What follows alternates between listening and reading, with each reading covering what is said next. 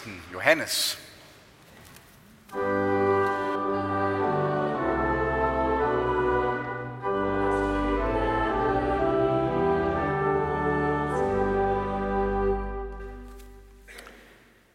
Jesus sagde til dem, Hvis Gud var jeres far, ville I elske mig, for det er fra Gud, jeg er udgået og kommet. Jeg er ikke kommet af mig selv, men det er ham, der har udsendt mig. Hvorfor forstår I ikke, hvad jeg siger? Fordi I ikke kan høre mit ord. I har djævlen til far, og I er villige til at gøre, hvad jeres far lyster. Han har været en morder fra begyndelsen, og han står ikke i sandheden, for der er ikke sandhed i ham.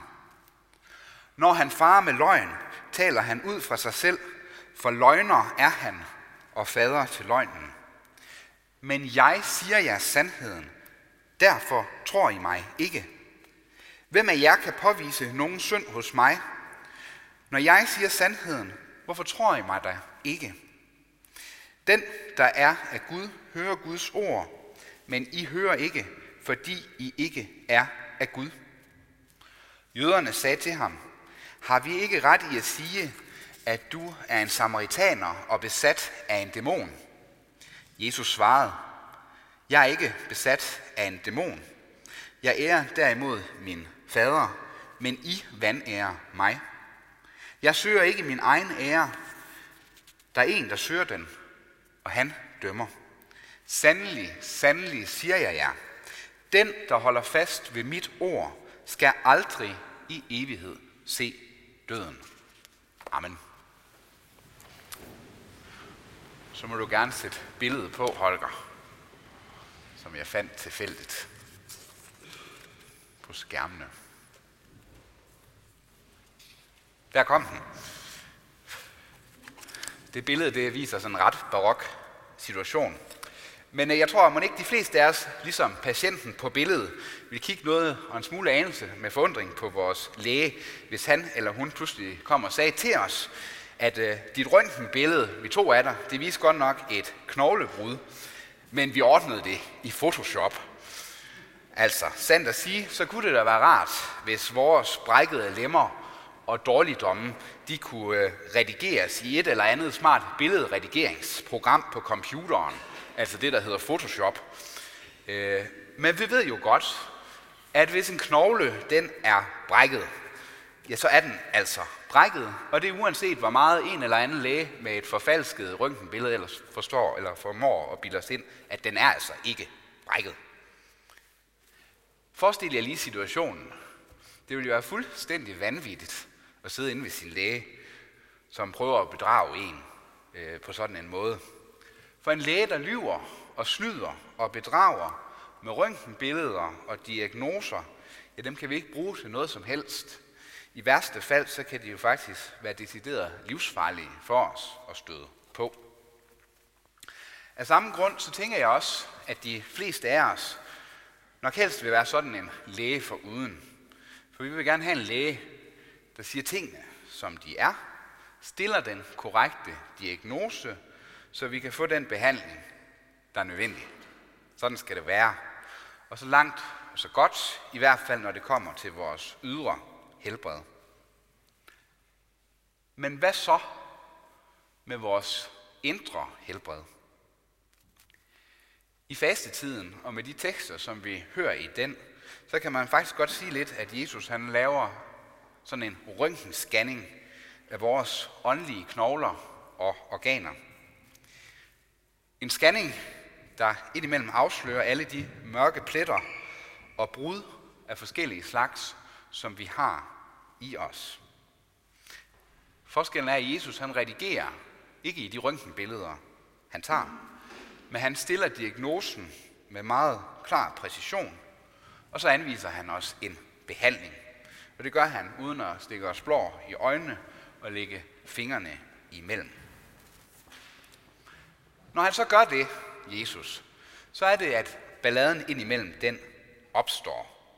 For er vi mennesker i bund og grund egentlig interesseret i, at han gør det? Er vi i bund og grund ikke mere interesseret i en Jesus, der er som lægen på karikaturtegningen. En læge, der stryger os med hårene og forsikrer os om, at alt bestemt er godt, og selvom det måske ikke er det. Er vi overhovedet interesseret i en læge, der konfronterer os med omsorg og i kærlighed med de alvorlige brud, skavanker og sorte pletter, der gemmer sig i vores liv? En konfrontation, der vel at mærke ikke handler om, at han gør det for at slå os i hovedet og fortælle os, at alt håb, det er sandelig også ude med jer, udulige mennesker. Nej, han gør det af en anden årsag. Han gør det og fortæller os, at der er håb for os. At der netop er helbredelse og genopretning til os. Hvis vi dog bare vil lytte til Jesu ord. Når vi har med Guds søn at gøre, Jesus Kristus, så har vi ikke med sådan en type at gøre, der holder sig sådan på behørig og høflig afstand af os. Når han går skræmmende tæt på os, og han går i kødet på os. Og indimellem så får han sat fingeren lige præcis der, hvor brudet er, så vi mærker de brud, vi har. De brud, som vi måske egentlig også indimellem går og skammer os over og forsøger at gemme væk i forhold til Gud og i forhold til os selv og andre. Hvad er det for nogle ting, som han indimellem sætter fingeren på? Jo, det er alle de ting, som vi indimellem gør, siger og tænker, som ødelægger livet for os selv og for andre. Det er de ting, der ødelægger vores forhold til Gud i himlen og vender vores hjerte væk fra ham og i stedet mod djævlen og min egen navle. De to instanser de har, et, har verdenshistoriens bedste samarbejde, kan jeg godt afsløre. Derfor er virkeligheden den, at Jesus indimellem bliver nødt til at tage fløjlshandskerne af og tale i et så umisforståeligt og direkte klart sprog til os, så vi fanger, hvad han siger. Og det er lige præcis det, han gør i dagens evangelium til en gruppe af jøder. I har djævlen til far. Sådan lyder den kontante konklusion. Det må siges at være rene ord for pengene, og ikke mindst en temmelig hård diagnostisering af, hvad der i bund og grund er sket med dem og deres hjerter. Hjertet er blevet vendt væk fra Gud, og i stedet mod djævlen, mod løgn og bedrag. Ja, i bund og grund mod sin egen egoisme. Så er det nu, vi kunne fristes til at tro, at Jesu ord kun er henvendt til grupperingen jøderne. Det er bare ikke korrekt, selvom jødehadets, det er altid jødernes skyld det hele, bliver ved med at sprede sin dæmoniske og ondskabsfulde gift, både i vores land og så sandelig også i verden.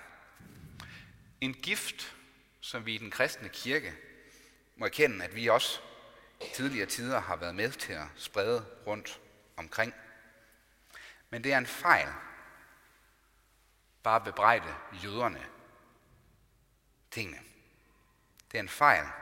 Fordi hvis man kender Johannes evangeliet, så vil man vide, at når Johannes skriver jøderne som gruppering, så er det altså en henvisning til en særlig gruppe af jødiske ledere, og ikke jøder i al almindelighed. Og det ville jo al almindeligt også være en selvmodsigelse af Jesus at stå og sige til sine disciple, der var jøder, og han var jo også selv jøde, at de har djævlen til far. Så det er altså ikke det, det betyder. Det er en henvisning til farisæer og andet godt folk. Det særlige ved den her gruppe, som vi så møder i dag, det er, at vi et par vers forinden får den oplysning, at de var kommet til tro på Jesus. De havde altså med andre ord set lyset. De havde fattet tillid til ham. De var begyndt at følge ham. Men så var der altså sket et eller andet. Noget var gået galt for dem. De begyndte godt, men de var endt et skidt sted. Vi går fejl af Jesu ord, hvis vi tror os selv et hak bedre end dem, vi møder i dagens evangelium. For akkurat ligesom en gruppe af jødiske ledere, de kunne blive begravet, så de endte med at vende deres hjerter mod djævlen og egen navle, ja, så kan vi også blive det. Ordene har i den grad relevans for os i dag. Men hvorfor var det nu, at det gik så galt for de her jødiske ledere? Jo, det har netop noget at gøre med, at den Jesus, de var kommet til tro på, ikke viste sig at være på den måde, som de gerne ville have, han skulle være. De var glade for ham i begyndelsen, men de endte med, at de ville gøre alt i verden for at få ham ud af deres liv. Ja, jeg kan jo afsløre, at historien den ender jo i mor, det ved vi. Men de ville simpelthen ikke finde sig en frelser, der gik i kødet på dem, som turde sige sandheden til dem og tale dem lodret imod, der hvor de tog fejl, og hvor de var gået galt i byen. Og jeg tror godt, at vi kan spejle os i det her. Indimellem så bilder vi os ind, at vi har meget let ved at genkende det djævelske. For det djævelske forbinder vi med det, som vi umiddelbart kan se og identificere som ondskabsfuldt. Hamas' angreb på Israel for eksempel, krig i al almindelighed, terrorangreb, forfærdelige dødsfald osv. Men det centrale og det drilske i det, der er dæmonisk, det er, at det imiterer det, guddom, det guddommelige. Det ligner Gud. At vi på en eller anden måde kan få skabt en Gud i vores eget billede, som til forveksling kan ligne den sande Gud, men altså viser sig ikke at være det.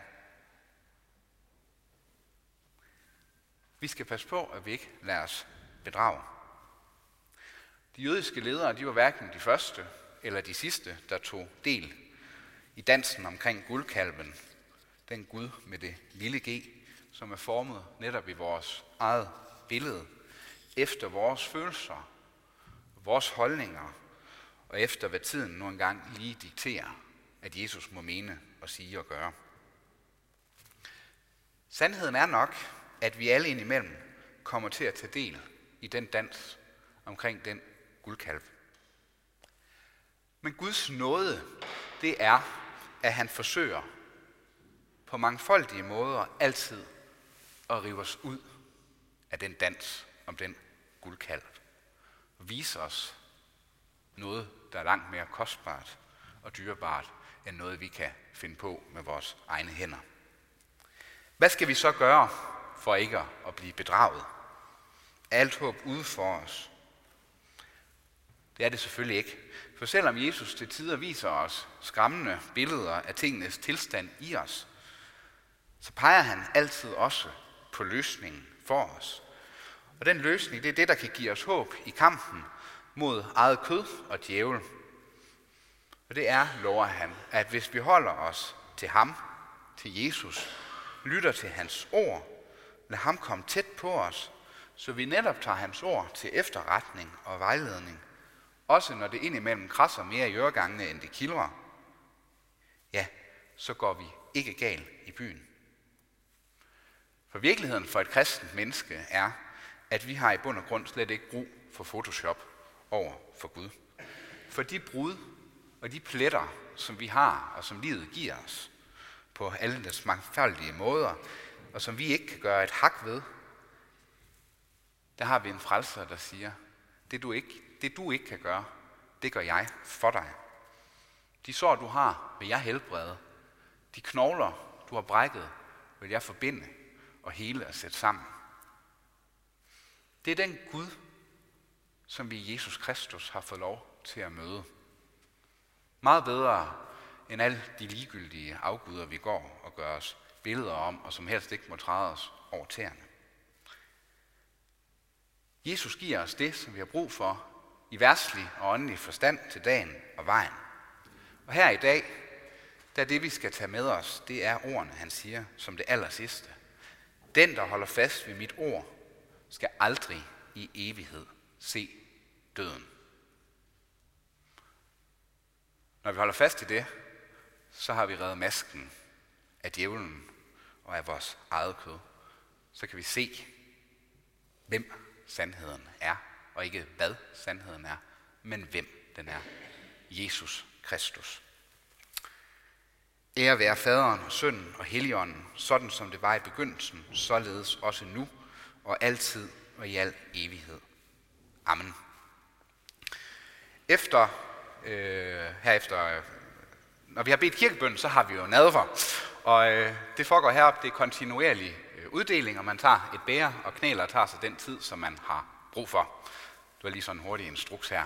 Nu vil vi rejse os, og så vil vi med apostlen tilønske hinanden, hvor Herre Jesu Kristi nåde, Guds, vor Fars kærlighed og Helligåndens fællesskab må være med os alle. Amen.